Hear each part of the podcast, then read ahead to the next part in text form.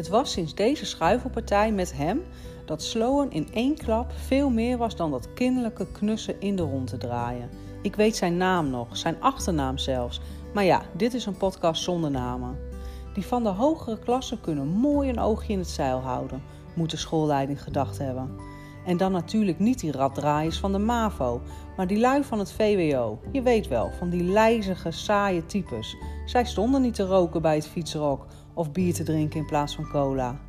Ik denk ook niet dat de schoolleiding gedacht had dat hij in keurige pantalon met zijn haren net zo glad als zijn woorden die tweede jaar zou beheigen. Jawel, beheigen. Niet betasten of bereiden, maar beheigen. Hij legde namelijk zijn handen helemaal niet op mijn billen, zoals die dertienjarige uit mijn klas te vergeefs probeerde. Maar ik voelde wel ineens wat warms naast mijn oorlel. Het was zijn adem. Hij had zijn hoofd niet schuin de andere kant op, zoals de rest wel deed. Je legt je hoofd namelijk op de schouder van de ander, maar dan wegkijkend als het ware. Dat is tenminste hoe het hoort. Beschouw het als een ongeschreven schuifelregel.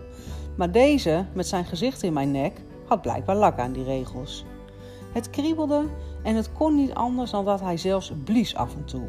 Het had iets mysterieus, een beetje vreemd ook wel, maar niet onprettig. De week erna kreeg ik een handgeschreven brief. Er was nog geen internet, dus van mailtjes of appjes geen sprake. Zijn handschrift was meisjesachtig netjes en met letters uit sierlijke rondingen. Hij schreef dat hij onze dans maar niet kon vergeten en dat ik zo lekker rook. Nou, dat kon alleen mijn deo zijn geweest, want mijn moeder liet mij echt geen parfum dragen. Ik mocht niet eens mijn navel laten zien. Wat dus betekende dat ik met een lang hemd onder mijn shirt naar school fietste om dat hemd daar op de wc zo snel mogelijk te lozen.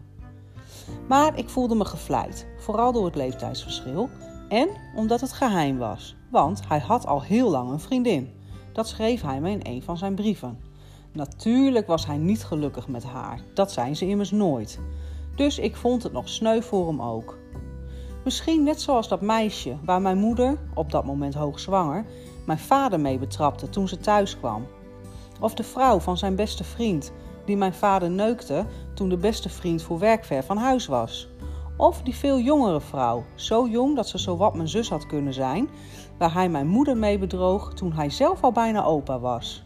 Of een van die anderen tussendoor. Die vonden het vast ook allemaal heel sneu voor mijn vader, want hij was natuurlijk helemaal niet gelukkig met mijn moeder. Dat zijn ze immers nooit. Ik wist dat toen nog niet hoor, trouwens. Nee, dat leerde ik pas veel later, toen ze gingen scheiden. Toen ze ineens heel graag de waarheid wilden vertellen over elkaar, waardoor ze het mij onmogelijk maakten om nog net zoveel van ze te houden als voorheen.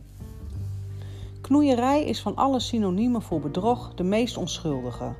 En omdat het bij brieven bleef, volstaat de term knoeierij hier prima. De overspelige acties van mijn vader daarentegen waren meer in de categorie huichelarij en bedriegerij. Want ja, knoeierij klinkt alsof je per ongeluk wat ranja morst op het tafelkleedje van je oma of zo. En dat is net wat anders dan je ejaculaat morsen op het bed van je bestie en dienstvrouw, denk ik hoor.